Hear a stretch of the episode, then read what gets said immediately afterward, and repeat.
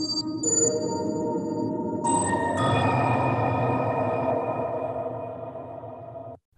HSI, teman hijrah meniti sunnah.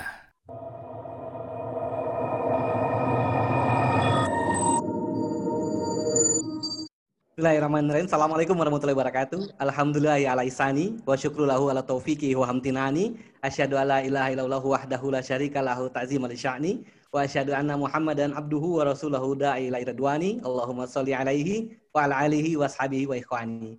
Dari studio Probolinggo dan Timur Jakarta, Radio HSI, teman hijrah meniti sunnah, menemani Anda di Rabu malam ini dalam live program Bincang Motivasi Hijrah bersama Ana Yoga dan tentu saja kami selalu mendoakan semoga kita semua selalu diberi kesehatan oleh Allah dan keberkahan dalam usia dan urusan kita. Amin. Sahabat, sebelumnya izinkan kami mengaturkan permohonan maaf yang sebesar-besarnya atas terjadinya kendala teknis di studio kami pada hari Ahad yang lalu. Sehingga kadarullah kami tidak bisa menayangkan live program Bincang Motivasi Hijrah seperti biasanya.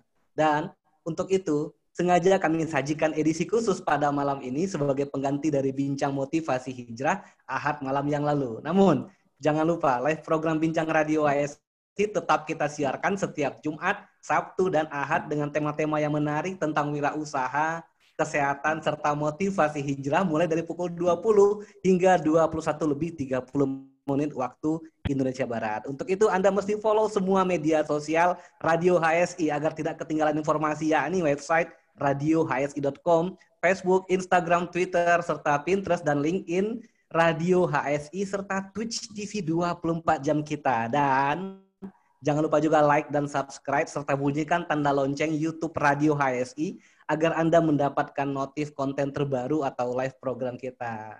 Baik. Nah, sahabat, sudah dua pekan ke belakang kita membahas tentang dunia panggung dan gemerlap entertainment di Bincang Motivasi Hijrah Radio ASI. Kadarullah memang dari pendengar dan pemirsa Radio HSI sendiri, dari para sahabat sendiri, segmentasi ini sangat menarik untuk dibahas. Karena melihat realitanya, umat muslim di Indonesia masih banyak yang terpedaya dengan dunia hiburan dan menganggap itu adalah sesuatu yang lumrah serta abai terhadap hukum-hukum Allah tentang hal-hal tersebut. Nah, malam ini kita kembali menghadirkan salah satu mantan pelaku industri hiburan di tanah air kita dan kita akan dengar langsung dari beliau nih nantinya.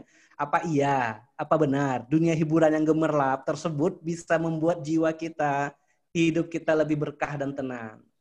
Narasumber kita malam ini peran sebagai manajer dari Saktis Papan Atas di Indonesia berperan dalam kesuksesan orang lain memang sesuatu yang membanggakan sahabat. Namun apa benar peran itu berpahala atau malah hanya berputar-putar dalam maksiat yang tidak menenangkan jiwa? Mas Riki Gustaman namanya narasumber kita malam ini akan bercerita panjang lebar untuk ibroh bagi kita semua. Baik, kita sapa dulu narasumber kita yang sudah ada di ujung sana terhubung dengan kita Mas Riki. Assalamualaikum warahmatullahi wabarakatuh Mas Riki. Waalaikumsalam warahmatullahi wabarakatuh. Masya Allah. Segar, Mas Yoga. Alhamdulillah, khair, khair. Segar banget ya. Mas Riki masih di mana? Masih di Ana di Bekasi. Masya Allah, dekat ya. Nggak terlalu jauh lah, masih sekitaran Jabodetabek. Dan kita juga yeah. menghimbau kepada para sahabat Radio YSI di rumah, hmm. agar tetap stay at home ya. Jangan sampai keluar rumah, kecuali memang ada sesuatu hal yang penting. Karena yeah. penyebaran pandemi COVID-19 di negara kita saat ini sudah sangat mengkhawatirkan dan semakin mengkhawatirkan. Eh, apalagi Jabodetabek saat ini sudah zona merah ya Mas Riki ya. Iya, betul. Baik, Mas Riki. Dari ya. sejak hari kita up poster tentang ex gitaris dan manajer artis tanah air, Ana udah di WA berkali-kali oleh para sahabat di YC. Manajernya siapa kah? Manajer siapa? Kita tetap nggak sebut merek nih, kita tetap nggak sebut merek, tapi Mas Riki memang mantan seorang manajer artis terkenal di tanah air ya. ya. Salah satu dan, tim manajemen sih di tepatnya ya, karena artis itu karena memang profesional, dia hmm. punya beberapa manajer untuk kegiatan dia di dunia entertain. Oh, baik, baik, baik. Kita akan bahas nanti apa rasanya ada di sana dan kenapa tiba-tiba memutuskan ini udah nggak benar lagi. Baik, sebelumnya Mas Riki. Ana tanya dulu. Antum kabarnya memang dari kecil hobi musik, seperti itu kah?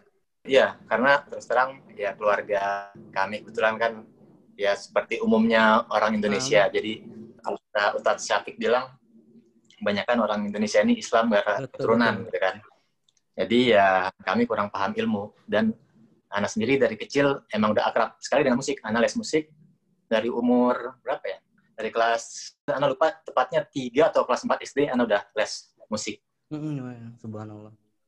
Nah, nah, jadi memang orang tua antum mengetahui bakat antum ini dan menyalurkannya ya. Ya boleh dibilang begitu. Baik. Kemudian sejak kapan? Apakah sejak setelah selesai kuliah memang memutuskan untuk terjun ke dunia profesional musik atau ada profesi lain dulu sebelum itu? Jadi emang karena Ana udah akrab dengan dunia musik, Ana sehari-hari dengar musik, tiada waktu tanpa dengar musik gitu intinya. Sampai waktu anak SMP Ana ingat kamar Ana tuh poster-poster pemain band semua. Jadi Ana kalau ingat semoga Allah ampuni dosa Ana ya. Uh, jadi cita-cita Ana tuh menjadi musik. Emang ingin jadi pemain musik, main band. Dan itu memang tidak ada larangan dari orang tua ya. Sampai besar pun mau jadi pemain musik profesional silahkan begitu ya. Ya orang tua sih pada umumnya ya menyekolahkan anaknya yang ke kuliah, inginnya bekerja gitu kan ya. Mm-mm. Cuman ya karena orang tua juga suka musik, jadi ya mereka ya ya terserah anak juga sih sebenarnya. Hmm. Jadi gitu. Terus anak lulus kuliah, nggak lama itu kan langsung mungkin ada sekitar setahun atau dua tahun anak nikah, kan langsung nikah. Dua tahun setelah kuliah langsung nikah ya? Ya, dua tahun setelah kuliah langsung nikah. Terus karena anak nafkahi istri, tapi anak paham ilmu seperti itunya. Jadi seorang suami harus nafkahi istri gitu kan. Terus anak kerja lah, karena waktu itu kan anak mencita-cita pengen jadi pemain band atau artis gitu kan ibaratnya. Karena belum berhasil, masih berjuang, jadi anak kerja dulu. Anak kerja jadi salesman Nah, salesman juga waktu itu Ana berhubungan dengan riba dan asuransi. Aduh, Ana. Eh, belum tahu ilmu juga. Jadi, nah. tapi sambil kerja itu Ana juga ya emang tetap pengen ngeband, Ana tetap ngeband juga, gitu kan. Maksudnya Afwan, ini ya. uh, antum mengatakan antum ngeband ini sebagai profesi hmm. juga di samping profesi sebagai salesman ini atau hanya hobi saja? Ya. Jadi gini, Ana itu ngeband itu jadi kan kalau kayak kemarin Abu Tako ya, Abu Tako itu kan benar, benar uh, mereka bergeraknya di industri yang underground. Sementara hmm. Ana tuh pengen masuk ke industri yang benar-benarnya, dunia popnya ibaratnya gitu. Jadi yang oh. lebih major lagi, lebih skala nasional, malah mungkin bisa internasional seperti itulah yang Ana ceritakan dulu. Afan, berarti bukan hobi ya? Memang profesi antum seperti itu? Ya hobi, tapi cita-citanya mau ke sana. Seperti itu. Oh gitu. Maaf, apa agak, agak lo sedikit. Jadi antum ketika selesai kuliah menjadi salesman dan disambi juga menjadi seorang pemain band ya, dan sudah profesional. Ya, boleh dibilang seperti itu karena cita-cita anak jadi pemain band profesional, uh punya album ibaratnya gitu kan. Lalu kemudian? Nah, makanya ya sampai akhirnya ada kesempatan sebenarnya sih nggak kesempatan ya anak tuh berhenti kerja dulu karena emang kayaknya juga di dunia kerja itu ya itu anak ada kayak ini kok kayaknya nggak bener ya maksudnya oh itu anak yang bikin nggak benernya itu kalau punya pikiran seperti itu karena gini orang mau beli mobil punya duit gitu kan cash tapi nggak boleh nggak perusahaan gitu nggak boleh ini mobil lagi laku uh, harus kredit Hah, kok gitu ya? Harus asuransi. Kalau enggak, kalau cash harus asuransi. Gitu. Orang kan nggak bisa dipaksa punya. Anda udah pertentangan di dalam hati itu. Yeah, yeah. Jadi adalah nggak lama. Anda sih empat tahun di sana di ya, salesman mobil itu. Jadi akhirnya anak ngobrol sama istri kan gimana nih kondisi kayak gini? Alhamdulillah istri support. Ya udah apa berhenti berhenti aja ntar rezeki gampang kita cari barang-barang lagi gitu kata hmm. istri kan. Ya udahlah anak memutuskan untuk berhenti dari dunia sales mobil itu. Terus nah jeda sekitar habis berhenti itu anak sempat dagang bakso anak tuh sempat. Dagang bakso Ya, dagang bakso, bener dagang bakso. Jadi dagang bakso. Dagang bakso. Karena ini ini nggak matching mas, ini nggak matching. Oh, iya, Antum nggak benar nggak matching. Antum mobil tuh luar biasa ini loh apa namanya penampilannya necis keren kemudian oh, antum iya. musik dan kabarnya ketika antum menjadi salesman antum adalah salesman dengan penjualan terbanyak kabarnya ya sempat karena sempat menjual dalam beberapa bulan tuh berapa ribu unit karena ada sempat jualan taksi dulu seperti itu Gitu. Dan kemudian banting setir jauh banget banting setirnya jadi pedagang bakso. Pegang-pegang gerobak begitu? Enggak, jadi anak oh. ada kios, ada kios cuman Oke. Okay, uh, tapi Lalu? tetap ada gerobak. ada gerobaknya enam enam. Nah, cuman ada yang bikin, ada yang jualan. Pas di saat dagang bakso itu, jadi karena anak sering berhubungan kan, mesti berhubungan sama teman-teman yang musisi, ada tawaran lah. Maksudnya dari salah satu teman anak, nih ada ini nih, ada penyanyi udah tau lah pasti gitu kan. Um, dia pemain film, pemain film, masih sinetron ya, lupa saat Dua-duanya itu. Mau rilis album dia bilang gitu kan, rilis album kita bikin tim, kita jalan bareng, dia bilang gitu. Heeh. Mau ikut nggak? Dia bilang, waduh, ini gimana ya? Anda lagi ngerti usaha bakso, tapi ada tawaran yang Anda pikir, eh, Anda seneng gitu kan, hobi Anda memang di dunia musik, jadi ya udahlah, Anda ambil kesempatan itu. Itu tahun berapa tuh Mas kira-kira? Tahun 2006 akhir kalau nggak salah, 2006. kalau Ya. Nggak lupa. Afwan, Anto merasakan ketidaknyamanan menjadi seorang salesman yang berhubungan dengan riba. Kemudian pada saat dagang bakso itu nggak nyaman juga nggak? Karena ini kan luar biasa berdagang adalah sesuatu yang penuh berkah kan? Nah, benar. Jadi gini, Ana lucu juga tuh. Saat dagang dagang bakso itu kan kebetulan ibu Ana tuh udah udah ngaji gitu kan, ikut pengajian, ikut taklim. Mm-mm. Nah, terus Ana sempat dikenalkan sama salah satu ustadznya gitu. Ustadznya udah temuannya kan, oh masya Allah, Riki udah dagang sekarang. Ya udahlah, dagang aja terus, bilang gitu ya. Ustadz ibu Ana bilang, iya Ustadz, tolong doain. Cuma itu kan emang ya namanya juga anak belum terlalu paham gitu ya. Jadi ya ada nasihat-nasihat seperti itu ya masuk kuping kanan, keluar kuping kanan lagi. Jadi nggak sempat ke dalam. Mas Riki. Antum ketika menjadi pemain band merasakan eh, hiruk pikuknya dunia entertainment, ya antum pasti sudah ini ya dari panggung ke panggung ya. Itu ya, pada waktu itu benar. nyaman nggak rasanya? waktu awal anak nyaman. Jadi ya karena emang cita-cita ya. Jadi ya itu apa? Cita-cita anak kan sebenarnya gini. Dulu anak tuh kalau berdoa ya Allah, tolong kabulkan doa hambamu. Hamba ingin jadi pemain band yang tampil di ribuan ah, di hadapan ribuan orang ya kan. Terus pengen tampil di salah satu stasiun TV swasta dulu kan itu TV swasta yang musik doang isinya gitu kan ya video klip. Oh iya iya Nah. iya. Jadi ya itu dikabulkan sama Allah dikasih tuh. Karena manggung keliling dari kota-kota lain, menghibur banyak orang, pernah di depan lapangan yang isinya ribuan orang, terus tampil di video klip, terus tampil di TV nasional, ya udah dikabulkan semua sama Allah. Jadi ya gimana ya? Antum merendah ya. Anda pikir tadi hobi doang, ternyata sudah jadi artis beneran sebenarnya ya. ya itulah makanya karena apalagi kan juga teman-teman ya di lingkungan itu jadi mereka selalu apa ya support terus gitu oh ini hobi yang menghasilkan hobi yang menghasilkan oh ya udah gitu terus ya jadi ya anak makin terjun ke dalam lah makin dalam dunia itu terus Betul, betul, betul. Hmm. Baik, lalu kemudian ketika eh, antum dinasehati oleh ustadz tersebut, tetap nggak mau ini ya dagang ya. Ini motivasinya lebih kepada apa mas? Ekonomi kah? Atau panggilan jiwa dengan hiruk pikuk dunia hiburan kah? Atau apa? Untuk Jadi- kembali menjadi manajer atau tim dari salah seorang artis tersebut. oh ya nah jadi anak kenapa ngambil kerjaan di dunia industri musik eh, karena salah satunya emang tuntutan ekonomi juga jadi kan tadinya anak kan kerja di eh, perusahaan otomotif itu kan ya adalah eh, uang yang jelas masuknya setiap bulan gitu kan ya. Tiba-tiba anak dagang bakso ya langsung drop pasti jauh. Jauh banget gitu kan. Iya, iya betul, betul. jadi ya di samping itu ada panggilan job dari dunia musik. Anda udah tahu angkanya kan sebenarnya.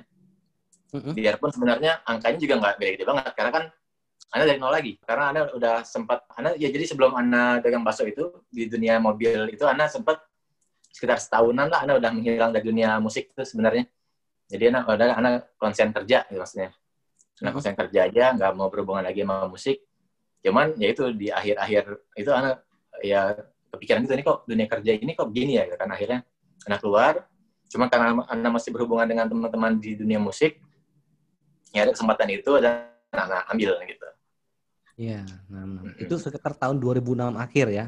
2006 akhir 2007-nya sih anak baru jalan tour Iya.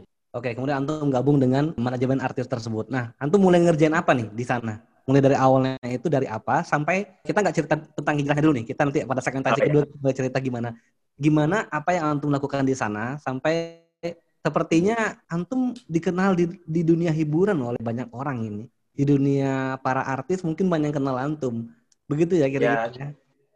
Ya jadi sebenarnya yang anak kerjain waktu lagi baru gabung lagi ke dunia baru terjun ke dunia industri musik anak tuh mulai dari start dari paling bawah jadi anak dari kru dulu kru panggung anak jadi kru panggung tapi kan anak bisa main gitar tuh masih tetap punya kemampuan itu sebagai main gitar yang Jadi- tahu ya. teman anak tuh sebenarnya gini. Jadi yang bawa anak tuh salah satu gitaris juga, gitaris. Tapi kita bentuk manajemen tim manajemen produksi gitu kan. Uh, cuman karena dia juga ada job di tempat lain, kadang-kadang dia berhalangan, anak gantiin dia sebagai pemain gitar gitu. Oh, baik, Mas Riki, tahan dulu sebentar. Ya. Afwan, kita sudah mendapatkan surat dari pemirsa. Sebelum kita mungkin lanjut lagi, nanti pada cerita Mas Riki, sebentar kita bacakan dulu salam dari pemirsa. Mas Riki, dapat salam dari ya. pendengar teman satu band zaman SMA dulu yang alhamdulillah sekarang sudah hijrah juga. Terakhir ketemu terakhir ketemu kaget karena sudah sama-sama berjenggot. Masya Allah. Tapi kenal ya, antum kenal siapa yang dimaksud ini kenal? Sama siapa ya? Namanya Akuna Yudi. Oh iya, waduh, dia tuh salah satu yang menginspirasi Anda juga buat hijrah. Masya Allah, Masya Allah. Baik, kita cerita juga tentang uh, gimana sampai Mas Vicky bisa terinspirasi dengan akun Ayudi. Terakhir, salam dari saudaramu yang menyayangimu karena Allah barakallahu fikum. Wa barakallahu. Baik, Mas Vicky kita lanjutkan lagi nanti cerita-ceritanya sampai dengan 60 menit ke depan. Para sahabat Radio SI di mana pun Anda berada, kita masih bersama Mas Ricky Gustaman, mantan seorang gitaris, pemain band yang cukup terkenal, di seantero jagat tanah air lah dari panggung ke panggung dari video klip ke video klip kemudian banting tulang menjadi seorang pedagang bakso kemudian banting setir lagi menjadi seorang manajer artis tanah air. Gimana cerita selanjutnya? Kita nantikan setelah jeda iklan berikut ini. Sahabat radio HSI untuk menjadikan weekend malam Anda lebih bermanfaat kami hadir menemani Anda dengan berbagai program menarik berikut ini. Setiap Jumat dengan program Bincang Wirausaha. bakal melaporkan secara tetap begitu ya. Oh, iya. Konteksnya lebih luas lagi dua sama ya. Iya benar. Jadi ini baru dua cabang, kemudian tidak akan berencana buka lagi mungkin mas. Yang fokus dulu pada dua ini ya. Ya sampai kondisi juga ya mas. Sekarang benar, benar. masih setiap Sabtu dengan program Bincang Kesehatan. Kita nggak mau belajar gitu. Kita kalau nggak mau belajar jadi terus saja kita akan takut terus itu eh, apa namanya ya lebih baik kita mempelajari sehingga kita tahu langkah-langkah apa yang harus kita lakukan untuk mengatasi kolesterol ini gitu mas. Dan, dan setiap ahad dengan program bincang motivasi hijrah. Tidak memundurkan antum atau tidak mematahkan semangat antum untuk tetap jadi peserta ya Pak? Alhamdulillah enggak ya karena ini se sebenarnya mimpi anak dari dulu gitu dulu ketika mulai ngaji, eh, mulai ikut-ikut kajian yang lebih intens di Ingat, pukul 20 hingga 21 lebih 30 menit waktu Indonesia Barat. Jangan lewatkan kisah-kisah menarik, menginspirasi, dan bermanfaat. Anda juga bisa berinteraksi langsung dengan para narasumber melalui line interaktif 0811 37074. Barakallahu fikum. Radio HSI, teman hijrah meniti sunnah. Radio HSI Teman Hijrah Meniti Sunnah masih bersama Ana Yoga dengan narasumber kita Mas Riki Gustaman hingga 60 menit ke depan. Mas Riki, oke. Okay. Kemudian ya. antum setelah menjadi anak kru panggung, kemudian ya. sang artis ataupun manajemen yang lainnya tahu kalau antum pernah bermain gitar, lalu ngerangkap juga selain sebagai tim dan juga pemain gitarnya sang artis tersebut. Iya, jadi anak ngerangkap ngerangkap suka, suka jadi sebagai gitaris juga, tapi sebagai seorang kru juga dan sebagai seorang stage manager juga. ilmu salesman ini masih dimanfaatkan juga ya? Ya, samping itu juga ya kadang-kadang ya itu jadi kadang-kadang mengambilin bisnisnya juga ada beberapa job dari anak juga seperti itulah. Berarti antum cukup dipercaya ya sama beliau ya? Ya iya sih apa ya karena kan emang kita tuh emang kan lingkungan ya satu lingkungan dekat jadi baratnya kan ya. Jadi memang jadi tim jadi ya kita saling support sama lain seperti itu. Nah, nah, nah. Lalu gimana mas kelanjutannya karirnya selama mendampingi sang artis tersebut? Antum nggak pindah-pindah, Pak? Tetap pada beliau saja? Jadi gini, karena anak ikut sama artis tersebut, ya otomatis musisi lain ada yang tahu Ana gitu kan, ada tahu tim Ana gitu kan. Akhirnya ada yang salah satu artis yang perempuan juga sempat mempercayakan Ana sebagai manajernya waktu itu juga. Tapi nggak lama, sekitar mungkin tiga bulanan ya. Jadi ada ada dua artis yang anak handle uh, ya? eh, handle ya ibaratnya gitu. Nah. habis artis yang kedua ini tapi nggak jalan uh, mereka jalan sendiri Ana balik tetap dengan artis yang pertama tadi. Nah tetap berjalan itu ada salah satu band besar juga Indonesia yang mempercayai sempat mempercayakan Ana sebagai manajer mereka juga gitu.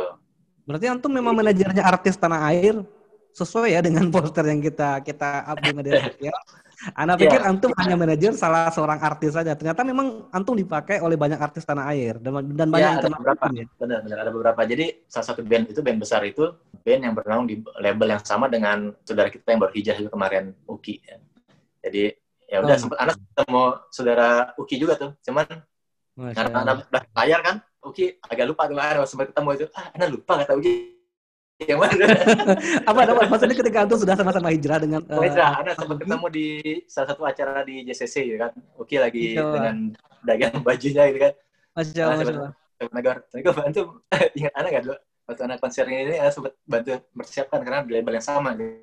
bilang apa anak lupa. Banyak ketemu orang. Ya anak paham. Karena emang sebagai seorang artis gitu ya. Ketemu orang tuh banyak banget ya, banyak banget banyak. Ini ini ini sama dengan kisahnya Ah Abu Tako beberapa pekan yang lalu ketika salah satu yang menguatkan beliau untuk hijrah itu adalah ketika melihat teman-teman yang sama-sama main band sama-sama yeah. main musik dengan beliau ternyata banyak yang bareng-bareng hijrah gitu. Benar benar benar, benar. baik kemudian lalu setelah antum menghandle beberapa kemanajeran artis tersebut yang bertahan lama itu di mana mas? Ya di artis yang dari 2007 tuh anak ikut sama dia. Jadi sampai akhir tuh di sana sebenarnya. Jadi sebenarnya anak nggak pindah dari dia nggak keluar. Mm-hmm. Jadi anak tetap sama dia, tapi anak ada beberapa proyek yang anak jalan sendiri gitu. Oh begitu. Hmm. Dan anak juga sempat karena ya udah kita udah lama juga gitu kan. Udah sekitar dari 2007 sampai 2000 atau 2000 ya 2010 sampai 2014 itu ada beberapa orang yang memang sempat mempercayakan juga uangnya ke uh, Anda dan tim untuk mengelola uang untuk membibitkan artis seperti itulah. Maksudnya manajemen artis ya? Jadi sebenarnya manajemen artis sama record label juga, perusahaan rekaman juga sempat dibikin seperti itu. Jadi kami oh, sempat membuat perusahaan rekaman yang ada investor untuk menjalankannya. Gitu. Dan dari sisi ekonomi pada saat antum berada di posisi tersebut sudah sangat mapan mungkin ya?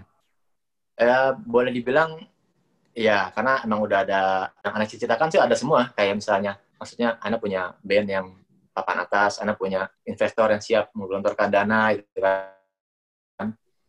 Ya, Anda udah ada semua seperti itu gitu. Udah ada udah Anda sempat lewatin seperti itu. Nam, nam, nam, nam, nam. Lalu gimana mulai Mas? Mulai antum merasa resahnya itu gimana? Kapan momennya itu? Nah, itu gara-gara itu juga sebenarnya. Jadi nggak tahu ya, ini jadi ibu Anda kan ya sering doakan anaknya gitu kan ya. Emang doa ibu tuh emang ini ya, maksudnya ampuh ya. Dia selalu uh, apa biarpun anak sering nggak dengar cuma kan dalam hati kecil tuh selalu ada gitu. apa nasihat-nasihat dari ibu Ana gitu kan. Ya intinya sholat paling utama itu kan. Ibu Ana tuh selalu, selalu bawel sholat sholat sholat. Mau gimana pun sholat gitu. Jadi anak sempat ya sempat memaksakan buat sholat. Nah karena anak sering memaksakan seperti itu jadi anak sempat nggak tahu tiba-tiba kayak dengar dengar dengar apa ya Anda tuh nggak pernah ke kajian, nggak pernah ke alim segala macam itu nggak pernah. Tapi sempat dengar selentingan bahwa musik itu nggak boleh dalam Islam gitu kan. Nggak sesuai syariat. Nggak tahu dari mana ada nggak tahu dari mana tuh. Apalagi zaman dulu itu kan apa YouTube belum ada sosmed juga nggak seperti sekarang gitu kan. Betul, jadi betul. anak anak tuh dari mana juga nggak tahu tuh. Cuma anak sempat dengar seperti itu gitu. Jadi ya, cuma selentingan dari berbagai orang nah, ya.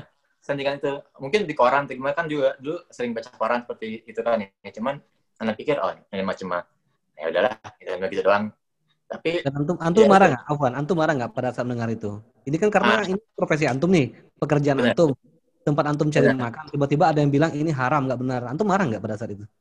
Ana tuh sebenarnya kalau masalah kayak gitu, Ana nggak pernah marah. Jadi, Ana tuh masuk yang, ah ini mah cuek aja gitu maksudnya ah, orang ngomong apa bebas maksudnya kan jadi bisa berpendapat boleh seperti itu gitu kan cuman Ana punya keyakinan enggak gitu kan maksudnya enggak apa-apa penting kan saya baik gitu. Maksudnya kan tujuannya baik sih cari nafkah. Bukan buat yang foya-foya atau buat bermabuk-mabukan bukan seperti itu gitu. Jadi pikir nggak masalah gitu seperti itu ada pola pikiran seperti apa dulu seperti itu. Oh, baik. Mungkin bedanya antum dengan beberapa orang yang terjerumus ke dalam dunia hiburan ini antum tidak memanfaatkannya untuk berfoya-foya? Untuk tidak dalam dunia hiburan malam seperti itu enggak ya? Ya karena terus terang apa teman-teman Anda juga termasuk yang seperti itu. Jadi kita tuh emang cuma nyari uang aja di situ. Hmm. Emang kalau dunia itu kan glamor ya, penuh hura-hura segala macam. Cuma ya kita yang kerja aja gitu. Jadi kita pegawai band lah ibaratnya kalau orang zaman dulu bilang tuh teman-teman bilang ah, ini sih pegawai band, pegawai band kayak gitu. pegawai band yang banyak dipakai orang juga ya. ya seperti itu. Jadi ya udah kita emang fokus kerja aja. Oh, baik. Tahunya bahwasannya haram nih. Itu tahun berapa tuh mas? Jadi gini, itu sih panjang banget ya cerita Ana buat hijrah itu sebenarnya. Gak apa-apa mas, panjang kita masih punya banyak waktu nih. runtutannya tuh banyak. Kenapa Anda bisa berhijrah gitu? Ya itulah Allah nunjukin benar-benar hidayah kan. Ngebukain itu hidayahnya tuh ke hambanya. Asal hambanya aja mau mau ngejemput atau enggak gitu. Jadi dibukain pelan-pelan sinyal-sinyalnya kayak dulu pertama kali anak ingatnya ya itu kan yang sinyal apa Anda pernah dengar musik itu kayak haram nggak boleh dalam Islam cuman anak lewatin terus kedua oh ini teman Anda yang ngeband juga. Jadi teman Anda tuh ngeband. Dia seorang penyanyi laki-laki ya. Dia bilang "Wah, antum nggak boleh tuh benernya artis wanita an- antum support ya dia nggak boleh. Dia bilang iya ya nggak boleh. Ya masa sih? Dia Dia vokalis. cowok nggak apa-apa dia oh, Tapi iya. cuma gara-gara wanita. Oh, Afwan, artis yang untuk manajer ini wanita ya, seorang bintang Ah, iya. sinetron, pemain film dan juga artis wanita ya.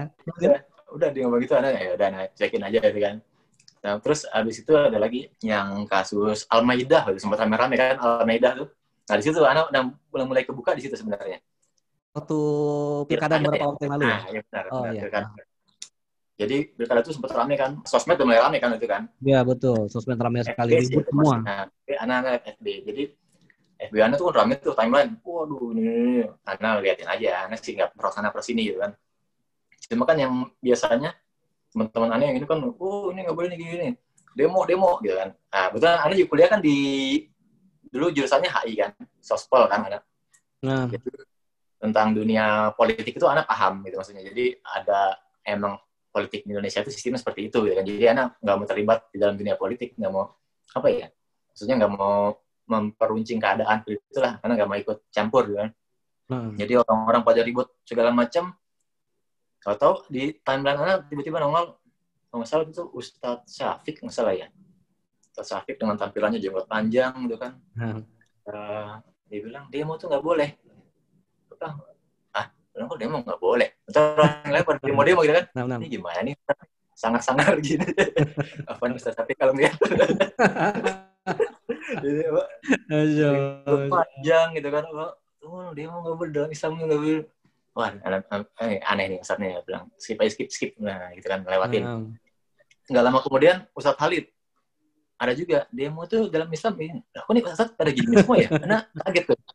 Yang tampilannya yang so- Jenggotan berjenggot, semua. gitu. Bilangnya demo nggak boleh semua ya. Iya, tapi dia nggak boleh. Kayak anak langsung ah, mulai mulai penasaran nih, ini kenapa begini ya maksudnya. Nah, sempat cari-cari referensi lah beliau itu siapa sih gitu kan maksudnya kan. Lihat-lihat kajian mereka berdua. Oh, oh ternyata seperti itu gitu kan. Cuman nah di situ juga ada satu YouTube YouTube masalah ya apa apa ya tentang musik. Bilang, waduh musik nggak boleh. Wah, ini Kajian juga. Iya, jadi itu tentang mereka tuh ceramah tentang musik kalau nggak salah. Dalam Islam tuh ternyata musik nggak boleh kan ada lagi nih, musik nggak boleh saya bilang gitu kan. Anak dulu ya maksudnya, ya deh. Berarti ini saat ini demo nggak boleh tapi musik nggak boleh juga. Sementara kan yang lain ada yang bilang demo boleh, musik boleh, bilang gitu kan. Hmm. Eh, ya udah, anak tampung dulu aja, anak ntar ada waktu anak belajar lagi sambil anak coba ya cari ilmu lagi lah. Anak kan juga sebenarnya ya karena belum paham sama sekali tentang masalah syariat yang benar seperti gimana gitu kan. Nah. Cuman anak pikir saat itu yang anak lebih prioritas, ya emang udah tertarik pengen memperdalam ilmu agama. Jadi anak lebih konsen ke cara beribadah. Beribadah sholatnya yang benar kayak gimana. Anak udah mulai belajar sih itu saat itu. Anak beli buku saku, tuntunan ibadah menurut Rasulullah. Contohnya kayak gimana gitu kan. Doanya apa aja, bacaannya. Anak udah mulai belajar seperti itu. Cuma kalau tentang yang lainnya, anak belum belajar saat itu. Gitu. Nah, nah. Kemudian antum mulai tertariknya mendalami atau pelajari benar-benar musik itu haram itu dari situ. dari situ. Nah itu karena anak anak sih yakinnya seperti itu ya karena anak sholat udah mulai sesuai dengan apa yang dicontohkan oleh Nabi Nabi Muhammad SAW anak ikutin benar-benar tuh semua sholat fardunya ya maksudnya. Anak waktu itu belum sholat sunahnya anak belum ikutin juga. Cuman sholat fardunya anak ikutin benar cara peribadahnya. Terus ya udah mungkin Allah tunjukkan gitu kan jadi anak tuh ya makin penasaran maksudnya gimana caranya ya? Maksudnya saya mau, mau nyari ilmu ini ke mana ya? Kan dulu belum belum jelas juga kan ya ikut di mana apa pengajian di mana masih serba belum inilah zaman kayak sekarang info kajian tuh banyak dulu belum ada seperti itu gitu kan. Betul betul betul. Hmm, jadi ya udah nah cari-cari di YouTube itu kan. Ya kebetulan kebanyakan dulu Ustaz Ustadz Halid dan Ustadz Syafiq sih itu yang emang sempat Ustadz Syafiq yang YouTube pertama yang masalah kan sempat ganti channel dia kalau nggak salah kan. Mm-mm. Jadi nah, Ana sempat ya udah dari sana Ana belajar tapi ya belajar gitu aja sih sampai akhirnya kebetulan dapat rezeki juga tuh alhamdulillah Ana bisa berangkat umroh waktu itu. Nah di sana itu Ana baru benar-benar ngerasa Allah tunjukin benar. Jadi gini umroh itu sebenarnya ada pendampingnya, masalah ada ustadz dari sini gitu ya, kalau salah itu kan. Nah, nah. Cuma karena ada kebijakan baru, jadi ada bayar visa atau segala macam dari perusahaan umroh itu nggak bisa berangkat lagi karena mesti, mesti bayar lebih. Jadi kalau nggak salah seperti itu ya, karena lupa aturannya apa. Jadi mereka ngambil ustadz yang ada di Madinah. Itu kan karena tujuannya Madinah dulu baru ke Mekah. Betul. Nah, jadi ustadz pembimbingnya di sana yang kuliah di eh, Madinah. Nah, Nah, situ ini anak Universitas Madinah ya Mas ya? Iya, yang Hmm. kuliah di Madinah. Jadi, nah dari situ Ana banyak nanya, dia banyak menjelaskan ya apa yang apa yang Ana pengen tahu, Ana tanyakan ke beliau gitu. Jadi, alhamdulillah ya di situ Ana dapat lebih banyak pencerahan. Termasuk antum bertanya tentang musik kepada beliau. Ana nggak nanya, cuman Ana udah tahu stylenya nih ustadznya sama kayak ustadz yang lihat di Dan Awan, antum antum tahu ini stylenya ustaznya sama, tapi antum meyakini itu adalah kebenaran. dalam hati kecil ya, dalam hati kecil. Tapi belum seluruhnya menerima. Nah, belum menerima. Nah, lalu gimana ceritanya sampai antum benar-benar menerima ini bahwasanya ini benar? Enggak benar menurut agama dan haram. Itu gimana, Mas? Jadi ya itu. Jadi anak ngerasain semua sinyal-sinyal yang Allah kasih lah ibaratnya seperti itu ya. Di Madinah tuh benar-benar di Masjid Nabawi anak ngerasa waduh ini anak juga bisa jelasin kata-kata ya itu susah ya maksudnya gimana di Masjid Nabawi itu benar-benar anak tuh merasa ya ini nggak ada apa-apanya bodoh banget terus kayaknya anak terus terang aja pas nyampe Masjid Nabawi kan subuh tuh nyampe Madinah bandara subuh langsung ke hotel dan langsung ajan subuh langsung sholat gitu kan ke Masjid Nabawi. Terus terang masuk pintu masjid langsung nangis. Ana tuh nggak nggak pernah segampang itu buat nangis gitu dulu gitu kan. Terusnya kenapa ya tiba-tiba kok langsung cengeng begini gitu kan. Terus berapa hari di situ nangis terus di Raudah apalagi gitu kan. Ya udah Ana berdoa sih di sana. Maksudnya ya udah kalau emang Allah bilang ini nggak boleh ya tunjukin. Ana bilang gitu kan tolong tunjukin jalannya tolong permudah semua urusan hamba supaya kembali ke jalan yang benar Ana bilang gitu.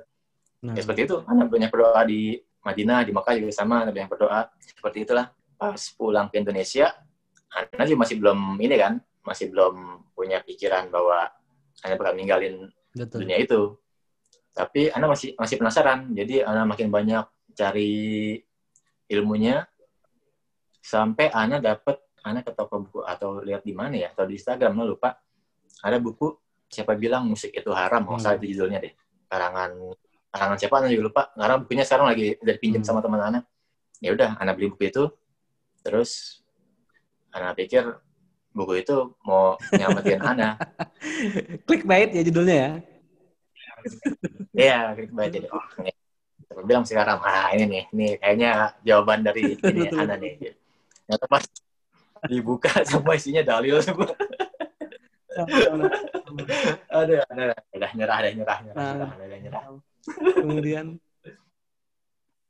Hmm, ya udah di situ anak ya makin bulat tekadnya buat berhenti. Jadi anak nah saat juga dikasih kesempatan juga. Jadi kan gini, kita tuh biasanya jadwal kan padat tuh tur tur tur tur tur tur keliling kota Hmm. gitu ya terus kan ya. Atau di kota Jakarta aja juga bisa berapa kali gitu, dalam seminggu gitu beberapa tempat gitu. kan. Tapi saat itu emang kayaknya permudah sama Allah. Jadi jadwal cuma ada satu, dua gitu kan. Jadi anak lebih banyak belajar, terus anak bisa memperdalam ilmu, terus anak bisa ngambil kesempatan bahwa ini kayaknya saatnya nih buat berhenti gitu kan maksudnya. Ini tiba langsung saatnya Anda begitu saja Mas ya. Iya, karena tiba-tiba itu pas pulang dari umroh, jadwalnya tiba-tiba sedikit, gitu kan? Jadwal kita kerja, terus Anda juga ngerasa ini kayaknya udah saatnya sih, maksudnya emang mungkin ini jawaban dari doa-doa Anda kemarin lagi umroh. Ya udah, Anda Bismillah, sempat ngobrol sama istri, oh, istri masih seneng, oh, ya udah, udah berhenti aja. Istri antum senangnya karena apa? Karena memang sama-sama paham tentang haramnya musik, sebagaimana antum telah baca bukunya Siapa bilang? Afwan itu kayaknya bukunya Syalbani ya, karangan nggak salah sih ya benar. Muhammad Nasiruddin. Albani. Siapa bilang yang sudah diterjemahkan ke dalam bahasa Indonesia bahasa menjadi Indonesia, siapa benar. bilang musik itu haram. Nah, ketika antum baca itu antum akhirnya memahami, oh iya benar ternyata sesuai dengan dalil-dalil yang sahih ini haram. Istri antum Iya. ikut baca kemudian mendukung atau memang istri antum nggak senang antum kerja di dunia entertainment? Jadi begini, sebenarnya istri Ana tuh nggak senang anak tinggal dia. Terus ya udah, kebetulan istri itu sempat duluan ngaji lah. Dia lebih duluan dibanding anak. Ngaji sunnah maksudnya mas? ya? Nah, dia ikut kajian, ikut pengajian juga. Jadi ikut pengajian, ah, belajar baca Quran lagi, terus Mana? ikut kajian-kajian. Karena udah mulai banyak itu pengajian buat ibu-ibu ya di Bekasi. Oh, nama.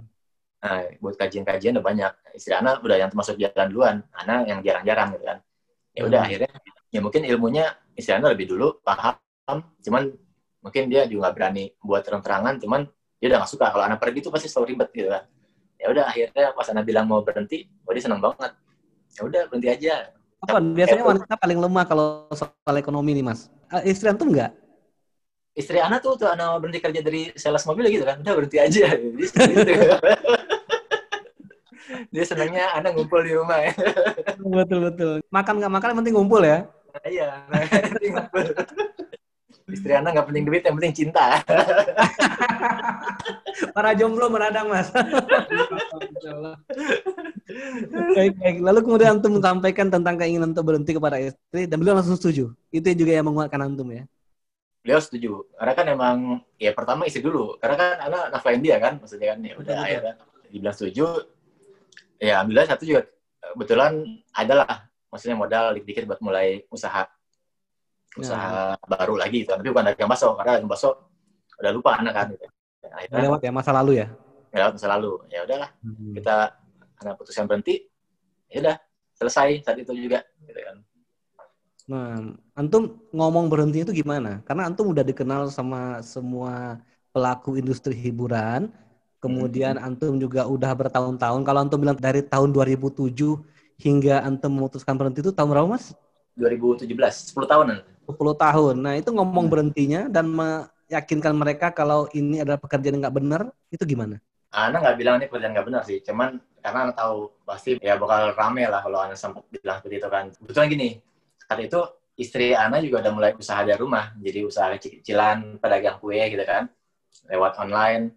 Ya udah, Ana bilang alasannya pengen ini aja konsen untuk usaha kue Ana gitu kan. Seperti itu. Nah, antum dengan alasan sesederhana itu, Eh. dengan alasan sederhana itu dan si artis langsung terima. ya sempet oh kok gitu ya? Gitu kan. Terus teman-teman juga yang lain ya ntar aja ntar aja gitu kan. Kan bisa bisnis tetap berjalan ini juga tetap jalan karena kan juga jadwal nggak bentrok segala macem ya gitulah. Cuma ada bulat tekad berarti ini udah nggak bisa terus lah anaknya. Kayak gini nggak bisa lah. Anak udah udah paham ilmunya udah paham apa yang dikasih ke anak istri nanti bakal jadi darah dan dagingnya gitu kan kalau haram ya nanti bakal bentuk kayak gimana kalau halal bagaimana ya udah anak udah paham seperti itu anak berhenti dah saat itu Nah. dah Kepada sang artis antum nggak ngaku, kepada teman-teman teman-teman Ana juga bilang sebenarnya ada teman Ana yang Ana bilang cuman dia juga ya sempat keberatan lah intinya biasa lah kayak seperti itu kan karena antum ngaku jualan kue juga maksudnya kepada teman-temannya. Oh iya karena mereka memang tahu Ana ada dagang kue itu sebenarnya sebelum itu kan juga Ana sempat ikut pameran ikut basar gitu kan jadi mereka udah tahu Ana sempat juga ada jadwal keluar kota Ana nggak ikut karena harus basar kue Hmm. gitu kan Hmm. gitu. Baik, kemudian setelah antum berhenti dari dunia hiburan yang ya kalau boleh dibilang membesarkan antum juga, setelah itu apa? Fokus Nah, antum ke jualan kue atau gimana? Nggak, nggak bingung tuh mas, gimana? Bingung sebenarnya. Tapi anak pikir kan kalau udah hijrah tuh nanti dipermudah jalan sama Allah kan ya? Jadi Nah. anak ada eh, sempat ngomong sama istri nih kita ngapain ya? Maksudnya sekarang ya ada modal dikit gimana ya? Terus anak juga dengan polosnya ya udah kita kan dulu cita-cita pengen dagang baju di mall gitu kan. Ya udah dagang baju aja kita buka sewa kios dagang lah. Anak pikir kan oh ya udah anak udah rajin sholat udah ngaji gitu kan.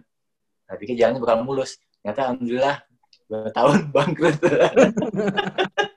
Tapi nggak ini ya, nggak nggak nggak nggak putus asa ya, nggak nggak maksudnya tetap semangat pengen hijrah. Antum udah mulai ngaji nih ya pasti ya, setelah antum mulai berhenti, antum mulai datang ke kajian-kajian.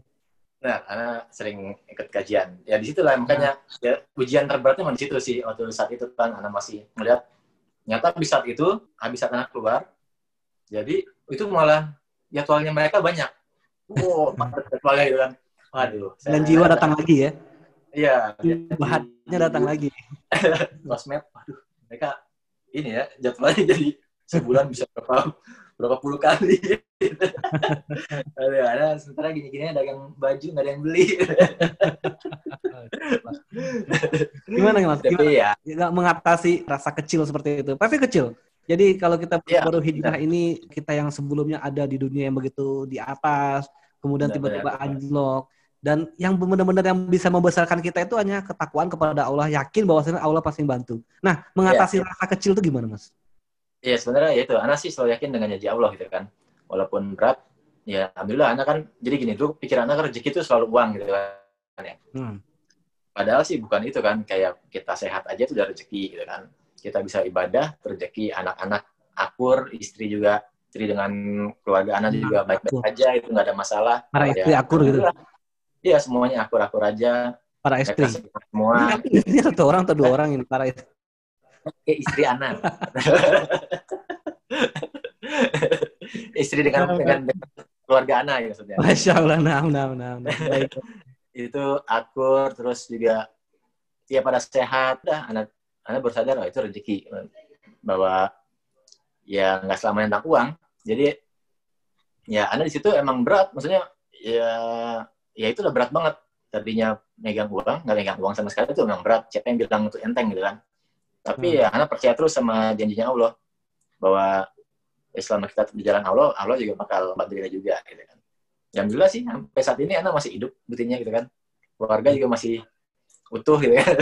Berarti alhamdulillah apa yang ditakutin dulu dulu kan anak gitu selalu takut tuh kalau misalnya kayak di waktu jadi salesman juga gitu apa ini kalau nggak kerja kalau nggak jualan terus gimana bisa hidup gitu kan? Gimana bisa ngasih makan anak istri gitu kan? Sama pas di kerja jadi di musik gitu kan gimana ya kalau anak berhenti ntar ini apa buat nafkahin keluarga tuh gimana ya? Tapi ya itu nyata emang rasa was-was itu kan datangnya dari eh, setan ya maksudnya. Kita kalau umat Islam harus percaya terus dengan janji Allah. Asal kita tetap menjalankan semua perintahnya menjaga larangannya insya Allah pasti dibantu dibuahkan jalan biasa gitu Baik, baik, baik. Oke, sebentar. Antum tadi mengatakan setelah dua tahun usaha dagang baju, Hmm. antum bangkrut. Iya, nggak untung saya. Emang nggak ada nggak ada yang beli ternyata. Lalu tutup. Jadi masa itu kan emang dagang baju itu berat ya. Maksudnya, Anda buka toko di pertokoan yang rame gitu kan, tapi ternyata online kan saat itu kan udah rame belanja online. Anda nggak lihat seperti itu, jadi akhirnya ya udahlah. Nah, kemudian banting setirnya ke mana mas setelah dagang baju? Nah itu dia banting setirnya balik lagi akhirnya. Dagang bakso? Istri, istri dagang kue tuh. Hah? Maksudnya, ini kamu bisa dagang kue ya, kamu aja lah yang kita ini dagangannya. Jadi akhirnya dagangan istri lah. Sampai sekarang kita seriusin. Masya Allah, Allah. baik, baik. Nah, kemudian setelah antum mulai benar-benar menetapkan hati antum untuk hijrah, kemudian mulai berpenampilan sebagaimana yang sekarang, ketemu dengan teman-teman lama dulu yang mantan-mantan para pemusik, para pelaku industri hiburan, dan ketemu dengan mantan artis dulu gimana? Mereka ngeliat antum ini seperti apa? Ya mereka sih karena udah tahu ya. Nggak tahu deh kalau di depan anak sih mereka baik-baik aja. Maksudnya ya ya paling kalau sempat anak dengar sih di belakang ada orang yang teman anak yang ngomong itu Ricky mau jadi ustadz gitu kan Masya Allah. Anak bilang ustadz. Cuman ya mereka sih termasuk yang menerima. Maksudnya mereka ya ya udah ya mereka kan ya itu. Jadi kayak anak dulu. Anak pilih jalan itu ya udah. Anak pilih jalan ini gitu. Ya gitu lah mereka seperti itu. Nah, nah. Rasanya gimana mas? Bedanya itu Kalau- gimana? biasa aja sih beneran. Jadi ya cuman ya udah beda lah. Anda juga udah nggak nyaman kalau buat ngobrol lama-lama itu udah nggak nggak bisa lagi seperti itu karena emang ya apa yang mau diomongin kalau udah ini Udah maksudnya udah. Udah dengan jalan yang berbeda ya. iya maksudnya ya paling kalau sempat ketemu ya pas lagi saat apa ya ya kalau pernah sih ketemu cuman ya gitu doang sih. Ketemu pas lagi saat nggak sengaja atau lagi saat ada acara apa ya udah gitu aja. Orang juga udah mulai ya nggak di situ lagi. Jadi anak udah sibuk di anak di sini sini aja lah. Sekarang di lingkungan anak aja. Ya lingkungan baru sih buatnya gitu. Dan rasa hati lebih lega sekarang atau yang kemarin? kalau hati lebih lega ya sekarang. Karena anak lebih tenang Iya. sekarang Pastilah ya, daripada daripada yang dulu meskipun yang dulu mungkin dari segi income dan pendapatan lebih besar ya. ya bisa dibilang kalau pendapatan relatif ya. Kalau anak lihat sih sebenarnya gini besar tapi kalau larinya apa nggak kerasa itu gimana jadinya jadi ya itu ibaratnya apa kalau anak rasa sih nggak nggak berkah buat anak gitu kalau penghasilan anak dulu jadi anak tuh dapat uang cuma kayak nggak ngerasain kok kayaknya hilang aja sih kayak gitu aja sih Betul betul. Baik, Mas Riki, sebelum kita lanjut lagi, Ana mau bacakan dulu ada titipan salam lagi nih. Titipan salam lagi dari teman antum. Ternyata teman antum banyak mantau nih, Mas. Masya Allah. Dari Mas Yayan Saputra. Mas Oh, Riki ya. adalah guru gitar saya. Oh, ternyata luar biasa juga, master juga dulu ternyata ini. Mas Riki adalah guru gitar saya dan alhamdulillah beliau sudah hijrah. Ana juga sudah insaf bermusik dan alhamdulillah sebelum pandemi Ana rutin ke kajian Ustadz Abdul Hakim setiap Sabtu pagi. Masya Allah. Mudah-mudahan semua semua teman-teman Mas Riki yang dulu sama-sama bermusik dengan Mas Riki juga sekarang sudah insaf dan sudah hijrah. Mudah-mudahan Mbak artisnya juga hijrah, Mas ya. amin amin Dan ini memang dulunya antum pernah jadi guru gitar juga ya? ya sempat sih ngajar dikit-dikit gitu cuman nggak nggak serius sih cuman ya ada beberapa lah yang anak ajarin tapi lama banget udah jauh zaman dulu lah Masya Allah, Masya Allah. Mas Riki, apa Ya.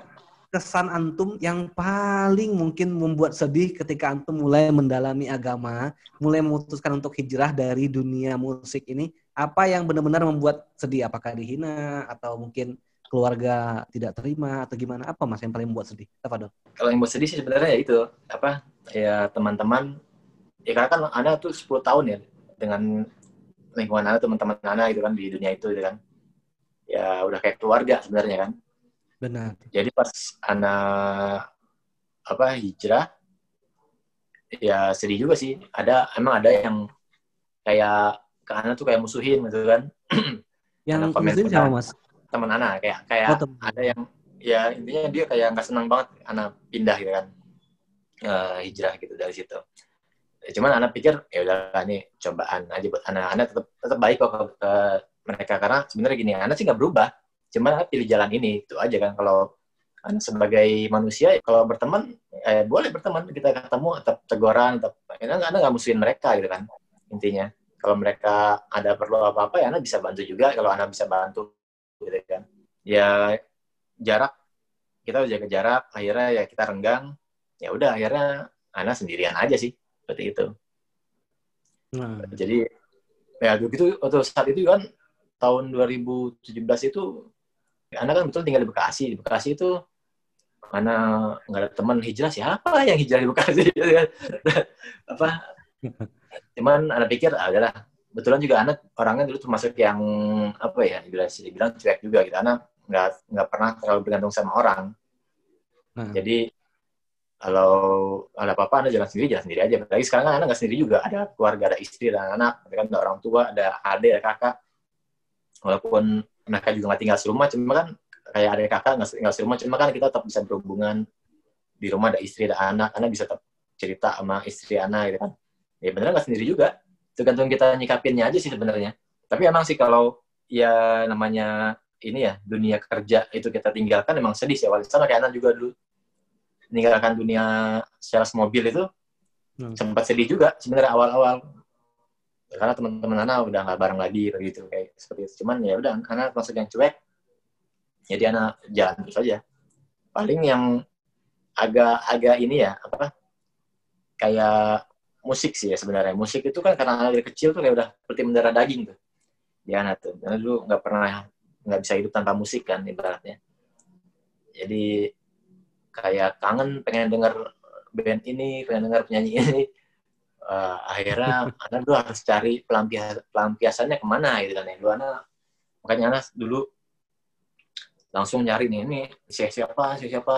Ada dengan murotal yang dengan murotal seperti itu aja sih. Jadi setiap anak kangen anak selalu murotal kangen anak selalu murotal Jadi ya udah hitung-hitung juga kan orang anak juga nggak terlalu ini ya. Al-Quran anak tuh orang-orang hafal satu juz, dua juz, anak paling tiga surat full gitu. Jadi ya udah, anak berusaha meningkatkan ini aja hafalan Quran anak. Ya udah akhirnya Benar-benar hilang kangennya akhirnya ya. ya seperti itulah. Bisa anak hilangin hilangin sendiri walaupun kadang-kadang juga ada lah seperti itu. Kangen-kangennya cuman gitu kangen anak dengar murotal lagi aja. Banyak dengar murotal. Insya karena ya lebih, lebih bawa manfaat buat anak sih kalau seperti itu. Tapi kalau anak juga tahu keutamaannya kayak al-baqarah bisa mengusir jin dari rumah gitu kan kalau kita membacanya atau mendengarkannya gitu kan ya kalau dengar lagu kan malah pada datang ntar. Pada ngumpul. bukan jadi ya bukan murojaah murojaah berapa juz berapa album ya di, di murojaah. Iya makanya anak anak jadi makin makin dia makin cinta lah dengan agama Islam ini yang dicontohkan oleh Rasul dan para sahabatnya seperti itu. Masya Allah. Baik, itu yang paling sedihnya ketika antum mulai dijauhi bahkan dimusuhi oleh teman antum. Nah, yang paling bahagianya, momen paling bahagianya ketika di masa-masa hijrah itu apa, Mas? Nah itu paling bahagianya ya seperti apa ya? Anak itu kayak akhir kembali sih sebenarnya. Jadi Masya kayak ya terang gitu semuanya. Ya, hidup ini jadi jelas misalnya ada emang kita kan manusia nih manusia itu hidup harus punya aturan kan. Betul. Kadang gini aja sih kalau orang-orang bilang kalau manusia bebas segala macam bebas-bebas nggak bebas juga. Di, di dalam bernegara aja atau bertetangga itu ada aturan-aturannya kan aturan dalam bersosialisasi atau mengemudi atau apa ada aturannya. Nah sementara ini kita makhluk yang emang diciptakan oleh Allah untuk beribadah. Ya ibadahnya ada aturannya semuanya gitu kan. Aturannya ada contohnya di, di Allah mengutus nabinya untuk membimbing umatnya. Ya itulah aturan-aturan itu yang harus kita pegang. Makanya anak seperti terakhir kembali. Maksudnya anak tahu makin paham oh nyata seperti ini apa kayak dulu anak tuh nggak nggak paham kayak masalah ini. Eh, banyak sih anak nggak paham. Salah satunya tuh anak-anak dulu paling nggak paham tuh kayak puasa puasa Muharram gitu kan ya puasa Asuro atau puasa Syawal keutamaannya apa itu anak dulu nggak paham. Cuman semenjak anak hijrah, oh anak paham oh ternyata keutamaan ini bisa menghapus dosa setahun yang lalu gitu kan. Oh jadi seperti ini gitu ya maksudnya Hmm. kita banyak ya emang kalau kita makin perdalam sunnah-sunnah dari Nabi Muhammad SAW ya insya Allah sih maksudnya hidup kita tuh sebenarnya tenang Seperti itu. Betul. Manis manis banget ilmu itu, Mas ya. Iya manis cuman emang di zaman seperti ini emang ya kita jadi kayak orang aneh sih sebenarnya Karena- Betul. Ya orang-orang nggak kebanyakan nggak seperti itu gitu kan. Makanya emang pentingnya mencari lingkungan yang sama seperti itu gitu kan. Makanya karena si langsung cari referensi belajar belajar agama ke mana kajian di mana akhirnya ketemu HSC Abdullah Roy anak ikut gitu kan. Masya Allah. Dan beliau Yang- juga salah seorang peserta ASI para sahabat ASI di Dubai. iya karena setelah HSC cuma anak kalau ngerjain suka paling akhir Kita ingatin adminnya ya. Baik, Mas Riki, para pendengar setia radio ASI di rumah ingin tahu juga. Biasanya orang-orang yang baru hijrah ini selalu mengalami hambatan. Dan kalau ketika dapat hambatan, mereka juga memikirkan solusinya apa. Seperti ketika mereka mendapat hambatan dari sisi rezeki, mereka me- memikirkan solusinya. Tadi Mas Riki juga sudah bilang, oke banting setir menjadi membantu istri untuk lebih profesional dalam jual kuenya. Atau mungkin ada hambatan dari sisi lingkungan yang tidak menerima, hijrah kepada lingkungan yang lebih menerima. Atau mencari teman-teman yang sama-sama hijrah. Atau dari sisi ekonomi lainnya. Nah, hambatan dari khusus Mas Riki sendiri selama mendalami atau eh, menjalani proses hijrahnya apa? Dan cara untuk mengatasinya apa? Apa dong Mas Riki? Iya, kalau hambatan sih ya itu tadi kayak anak tuh paling utama itu kehilangan teman sih sebenarnya hambatannya. Cuma kan tadi seperti anak bilang, anak yakin maksudnya pasti nanti Allah ganti gitu kan dengan teman-teman yang lebih baik gitu kan. Terus ya anak pikir juga anak nggak sendiri juga, anak punya istri, punya anak, kita punya keluarga juga gitu kan. Kalau dari masalah eh, lingkungan ya paling ya itu. Jadi kayak banyak ada beberapa juga yang sementara keluarga oh mereka menjalankan ibadah yang nggak sesuai dengan sunnah. Gimana ya? Anak anak harus jelasin juga tapi kan anak juga belum paham ilmunya. Jadi ya seperti itu. Cuma anak ya anak lebih banyak menuntut ilmu. Jadi ya anak sekarang sih udah paham. Jadi bahwa kita tuh dalam hal hijrah emang jangan cuma hijrah secara tampilan atau secara kiasan aja ya. Jadi harus hijrah langsung berdalam ilmu langsung banyak belajar banyak belajar banyak belajar supaya nggak ketemu futur segala macam karena terus terang juga kan sempat ketemu futur juga sih saat itu gitu kan. Eh, karena Itu juga ya. pasti pernah. Nah, namanya manusia. Kalau nggak pernah futur hebat.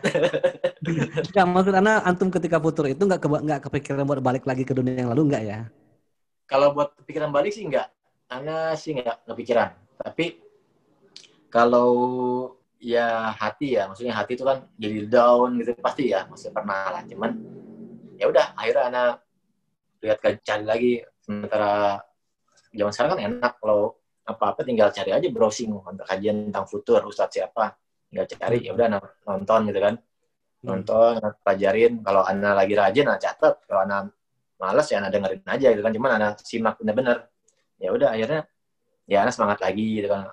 Kalau misalnya Ana lagi kayak dulu kan emang bisa itu Ana perbanyak kajian carilah eh, di sosmed kajian dari Senin sampai Ahad di mana mana aja Ana samperin gitu kan. Banyak baca Quran juga ya ibadah diperbanyak. Jadi larinya ke situ sih kalau anak waktu itu. Buat menghadapi situasi-situasi yang emang bikin kita down atau ya goyang. Seperti itu sih. Nah, nah. kalau dari keluarga sendiri mendukung mas ya, dari istri, anak-anak ataupun orang tua dan kakak adik? ya alhamdulillah mereka support baik kalau kayak ibu Ana kan senang banget gitu. Anak hijrah tuh wah dia paling bahagia sih ibu maksudnya. Karena nggak nyangka anaknya yang paling kalau bilang bisa dibilang anaknya anak yang paling ini paling bisa dibilang gitu Sekarang sudah ini ya, apa Ibu Antum lebih senang dengan penampilan Antum seperti sekarang, pekerjaan Antum seperti sekarang daripada dulunya Antum seorang entertainer gitu ya. Insya Allah ya mudah-mudahan. Tapi kayak iya sih ya. Karena ibu juga jadi ya lebih sering kalau ngomong agama kita jadi nyambung sekarang. Dulu kan nggak nyambung. Nyambungnya karena Antumnya nggak mau maksudnya. ya. Iya kan kalau dulu komunikasinya satu arah dan ibu saya ke saya gitu. Kalau saya nggak pernah. baik, baik, baik. Mas Riki, mungkin para sahabat Radio ISI di rumah juga pengen tahu pelajaran apa yang bisa diambil dan apa motivasi atau pesan dan ya pesan lah pesan pesan Mas Riki kepada para sahabat yang ingin hijrah juga terutama kepada para sahabat yang masih saja mendengarkan musik masih menganggap musik itu adalah hal-hal yang lumrah saja tidak sesuatu yang haram dan atau sudah tahu haramnya tapi masih susah meninggalkannya. Nah kita minta nih pelajarannya dan motivasi serta tips dan pesannya. Kepada Mas Riki Ya kalau ini sih pengalaman Ana aja ya. Jadi Ana tuh ngerasa gini, maksudnya kita kan hidup harus meningkat gitu kan uh, levelnya dalam segala hal ya. Mau dari segi keimanan, dari segi finansial, ibaratnya gitu kan orang tapi tapi rata-rata kan carinya finansial terus gitu kan. Sementara kita ini ya manusia yang memang bakal saat apalagi kita muslim gitu kan percaya bahwa kita akan pulang ke kampung halaman kita nanti di akhirat gitu kan. nah, Nah, kalau betul. kita nggak mem- mempersiapkan bekal dengan benar, kita mau gimana di sana, di sana gitu kan? Jawaban kita nanti di akhirat. Makanya kita harus ya memperbanyak ibadah, memperbanyak ilmu, memperdalam ilmu agama lagi dengan benar. Seperti itu sih. Kalau Ana sih begitu. Jadi kalau Ana malas tuh harus dipaksa. Kalau Ana ngerasa wah ini kayak udah kayak malas nih kalau buat ini. Tapi Ana paksain buat misalnya kayak buat datang kajian anak malas banget panas banget kalau dulu kan keluar gitu kan siang-siang tapi anak paksain buat keluar buat datang kajian atau capek gimana anak paksain. Karena kalau dipaksain itu sih biasanya lebih lebih dapet sih kalau anak sih ya. Terus ini juga apa sama hal-hal yang bermanfaat itu sebenarnya apa sih sekarang kita harus tahu gitu kan sebagai umat muslim itu. Dulu pengalaman anak anak ngerasa anak dengerin lagu sama hanya dengerin murotal lebih bermanfaat mana? Itu aja sih dipertanyakan aja sih kita dalam hati maksudnya tanyakan ke diri sendiri. Apa lebih emang lebih bermanfaat dengerin musik tiba-tiba apa Allah mengasihkan pahala atau mendengarkan murotal Allah ngasih pahala juga? Maksudnya mana yang lebih ber- berpahala dibanding di mata Allah? Dengerin musik atau dengerin murotal? Kita nyanyi atau kita ngaji? Ya mana yang lebih berpahala di mata Allah dikasih Allah pahala itu yang mana? Kegiatan-kegiatan itu sih sebenarnya yang harus kita pertanyakan diri kita sendiri. Karena lu kayak gitu. Jadi ya udah kenapa anak bulat meninggalkan dunia itu? Ya seperti itu anak ingin mencari pahala sebanyak-banyaknya buat anak bawa di kampung halaman anak nanti buat pertanggungjawaban anak di akhirat nanti seperti itu.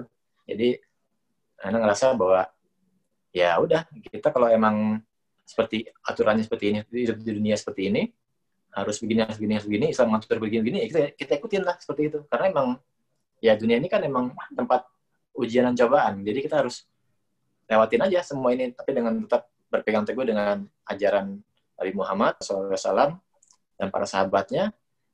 Kita nggak melanggar syariat yang ditentukan oleh Allah kita ngikutin semua perintahnya insya Allah itu yang bakal lebih bermanfaat buat kita di akhirat nanti. Itu sih kalau anda sih punya prinsip seperti itu Nah, kemudian tips untuk meninggalkan benar-benar meninggalkan musik itu apa tuh Mas Diki?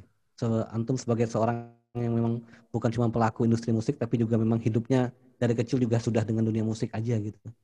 ya ya itu makanya anak selalu menekankan bahwa ya itu kegiatan yang bermanfaat itu tadi karena ya di kita sebagai umat Islam kita harus tahu bahwa kita hidup ini kita ini sebagai makhluk Allah gitu kan ya jadi harus tahu bahwa Allah ini ingin kita pulang kampung halaman pasti dengan membawa bekal gitu kan. Nah, bekal itu berarti kan harus sesuai dengan apa yang diperintahkan oleh Allah dan di menjauhi semua larangannya. Kalau kayak harus dipertanyakan lagi bahwa kegiatan-kegiatan kita di dunia ini kalau bermusik apakah akan membawa bekal untuk di akhirat seperti itu. Kalau Anda sih punya pikiran seperti itu waktu itu.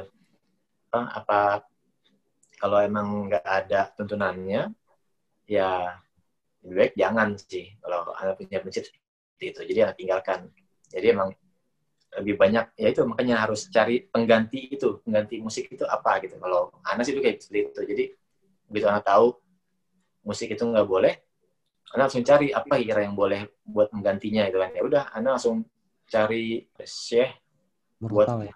total terus anak juga apa anak belajar Quran. Karena terus terang anak juga ya baca Quran bisa cuman ya nggak tahu hukum-hukumnya. Jadi sekarang ya alhamdulillah anak udah makin paham bahwa baca Quran itu udah hukum-hukumnya juga jadi ya ya itulah kita harus makin ganti dengan sesuatu yang lebih bermanfaat sih intinya itu.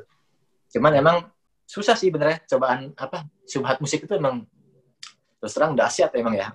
Terus terang anak teman anak juga ada yang udah paham ilmu gitu, mereka juga dia juga ikut kajian segala macam yang sunnah cuman dia masih belum bisa meninggalkan dunia musik. Anak sih paham mungkin dia buat kebutuhan dapurnya tapi ya itulah makanya. Mudah-mudahan beliau segera mendapat hidayah buat benar-benar meninggalkan dunia musik. Karena ya terus terang itu buat bekal kita di akhirat nanti sih yang anak pelajarin nggak ada dapatnya dari dari musik itu buat kita bawa ke akhirat. Seperti itu sih. Bisa jadi di dunia besar Iya. kemudian eh, banyak yang didapat eh, dari dunia tapi benar-benar nggak ada yang kita bawa untuk bekal ke akhirat nanti ya Mas ya. ya betul. Karena ya itu kalau anak sih punya pikiran seperti itu. Kalau ada yang bilang kayak ada yang bilang "Mu- mu- musik boleh asal kebaikan segala macam liriknya nggak nggak bohong segala macam nggak menyekutukan Allah. Ada yang bilang seperti itu ya Ana sih menghargai cuman Ana nggak sih. Karena Ana tahu di industri musik ini ya banyak mudaratnya gitu dibanding manfaatnya. Ana yang, yang udah Ana lewatin sih seperti ini gitu. Masya Allah, Masya Allah. Baik, Mas Riki, kita sudah sampai di penghujung acara. Benar-benar luar biasa sekali malam ini, meskipun kita terkendala pada hari Ahad yang lalu dengan kendala teknis di studio kita. Namun ternyata Allah gantikan dengan Rabu malam ini yang benar-benar luar biasa sekali. Apa-apa yang telah Mas Riki sharing kepada para sahabat Radio Esi di rumah. Dan memang nggak ada jalan lain selain memang kita menguatkan hati kita, berazam untuk benar-benar berhenti dan keluar dari dunia lama menuju dunia yang baru ya. Sebagaimana Mas Riki bilang juga tadi, bagaikan bayi yang baru lahir ya Mas ya. Ya seperti itulah seperti itu. Keluarga sekarang sehat-sehat semua Mas ya. Alhamdulillah sehat semuanya alhamdulillah sehat. Anaknya udah berapa Mas? anak-anak dua sih Alhamdulillah, Masya Allah. Baik, tetap semangat, tetap jaga keluarga dari pandemi COVID-19 yang sekarang masih ada di negara kita. Dan kami selalu berdoa dan kami juga minta doanya kepada Mas Riki agar kita sama-sama untuk teguh berjalan di jalan dakwah ini, di manhat ini. Tujuan kita, sekali lagi tujuan kita bukan mencari akhir dari manhat ini, bukan mencari akhir dari jalan ini, tapi tujuan kita adalah mati dengan baik di jalan ini ya, Mas Riki ya. amin amin Masya Allah, Masya Allah. Baik, sekali lagi terima kasih. Syukron wa jazakallah khairan atas sharingnya pada malam hari ini. Kami dari tim radio benar-benar sangat eh, terima kasih atas sharingnya yang luar biasa. Mudah-mudahan di lain kesempatan kita juga bisa bertemu kembali Mas Riki ya. Sama-sama Mas Gani. Mohon maaf nih kalau Ana ada salah-salah kata nih. Nama juga manusia. Dan juga mudah-mudahan semoga kita sampaikan tadi doa kita semoga teman-teman Mas Riki yang mungkin memantau poster-poster kita yang sudah kita up di media sosial atau mungkin mbaknya yang artis juga memantau. Mudah-mudahan dari ini juga terinspirasi dan hijrah ya. Kalau Amin. dari mereka yang hijrah kasih tahu kami Mas, kita undang juga ke studio Radio Yesi ini, masya Allah. Siap. Baik. Baik, para sahabat Radio Yesi di mana pun Anda berada, sudah lebih kurang 90 menit kami menemani Anda semua di sesi bincang motivasi hijrah malam ini. Saatnya kami undur diri, namun jangan khawatir. Insya Allah kita masih punya tiga acara bincang. Sebagaimana telah kami sampaikan di awal pembukaan tadi, yakni wirausaha, kesehatan, serta motivasi hijrah. Berurut setiap Jumat, Sabtu, dan Ahadnya mulai dari pukul 20 hingga 21 lebih 30 menit waktu Indonesia Barat. Untuk itu, Anda mesti follow semua media sosial Radio HSI agar tidak ketinggalan informasi. Kita punya website radiohsi.com, Facebook, Instagram, Twitter, Pinterest, Twitch TV, dan LinkedIn Radio HSI. Dan jangan lupa juga like dan subscribe serta bunyikan tanda lonceng YouTube Radio HSI agar Anda mendapat notif konten terbaru atau live program Radio HSI. Serta ada lagi nih, rekaman live bincang kita sebelumnya, termasuk rekaman live bincang dengan Mas Riki Gustaman pada malam hari ini, dapat Anda dengarkan kembali di podcast dan Spotify Radio HSI. Oke, baik para sahabat, sampai jumpa kembali dan semoga Allah tetap menguatkan kita berjalan di manhat yang lurus ini, mati di manhat yang lurus ini dan menjadikan semua usaha kita berbuah pahala dan ampunannya. Anak Yoga beserta Mas Riki Gustaman dari Studio Probolinggo dan Timur Jakarta, kami pamit undur diri, kita tutup dengan doa kafaratul majelis. Subhanakallahumma wa bihamdika, syada la ilaha anta, astaghfiruka wa ilaik. Assalamualaikum warahmatullahi wabarakatuh.